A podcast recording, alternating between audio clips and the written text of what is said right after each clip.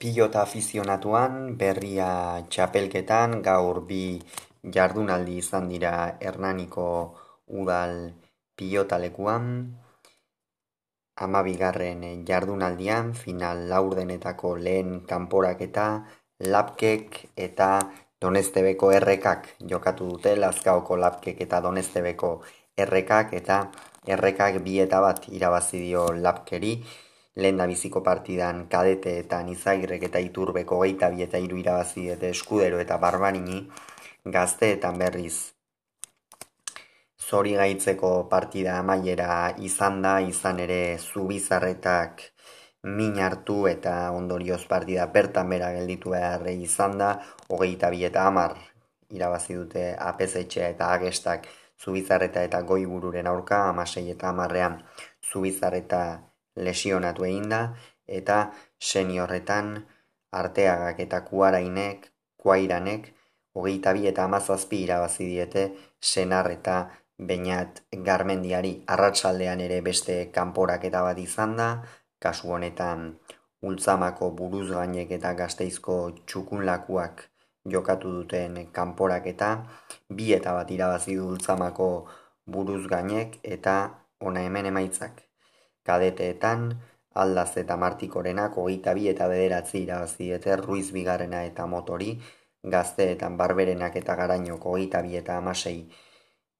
ruiz eta palaziosi, eta seniorretan iribarrenek eta markaidak, hogeita bi eta bederatzi Mikelarena eta landiri barri, hause beraz, berria txapelketak gaurko jardunaldian eman duena. Eta Santander Liga amaitu da, amaitu da gaurkoan, Santander Liga eta guk noski bere berriak eman behar ditugu. Denboraldian zehar egin dugun e, bezala. Lehenik eta behin errepasa ditzagun emaitzak liga guztietako emaitzak realak bi eta bat irabazi dio Sevillari eta honen beste txuri urdinek garaipenarekin esan diotea gur denboraldiari Mallorca kiru eta utxira bazidio rai hori, Real Madridek eta Atletikek bana egin dute, Villarrealek eta Atletico Madridek ere bina, Osasunak bi eta bat irabazidio Gironari, Betisek eta Valentziak bana egin dute, Zeltak bi eta bat Barcelonari, Valladolidek eta Getafek usna egin dute, Eltsek eta Kadizek bana eta Espainolek eta Almeriak iruna onela segeratu da honen bestez. Santander Liga 2008-2008 iru denboraldia eta txapeldun Bartzelona izan da, laro eta zortzi punturekin, txapeldunen ligara sailkatu diren taldeak lenguan aipatu genuen Real Madrid, Atletico de Madrid eta Reala, Europa Ligera, Villarreal eta Betis, konferenseko taldea da, osasuna, Atletik zortzigaren izan da, Mallorca behatzigarren, Girona margarren, Amaikagarren Raio, Amabigaren Sevilla eta gaur Jardunaldi dramatikoak hemendikan aurrera izan dira amairugarren postutik aurrera hain zuzen ere. Zeltak berrogeita iru punturekin azkenerako salbatzea lortu du, Kadizek berrogeita birekin, Getafek eta Valentziak bezala, Almeria azken momentuan salbatu da berrogeita batekin eta azkenerako, lengo astean espainol jaitsi zen, eltxe jada bazera mazkien jardunaldi batzuk eh, jaitsita,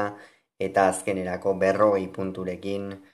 salvazioa lortu ezin izan duen taldea Valladolid izan da Petzelanoren Valladolid e, azkenerako ezin izan dio mailari eutxi eta hurren urtean bigarren mailan jokatuko du. Italiako liga ere amaitu da, gaurkoan Napolik bi eta utxira dio Sampdoriari, Atalantak bost eta bi Monzari, Bolognak bi eta iru lizi, Milanek iru eta bat elas beronari, Erromak bi eta bat espeziari eta Juventusek utxeta bat udineseri eta gainera Zlatan Ibrahimovicek erretiratu egingo dela esan du. Horrela geratu da Italiako liga, txapeldun jada orain aste batzuk bagenekien Napoli izan zela, txapeldunen igara joango diren taldeak Lazio, Inter eta Milan, Europa ligara Atalanta eta Erroma, Juventus konferenzera, Fiorentina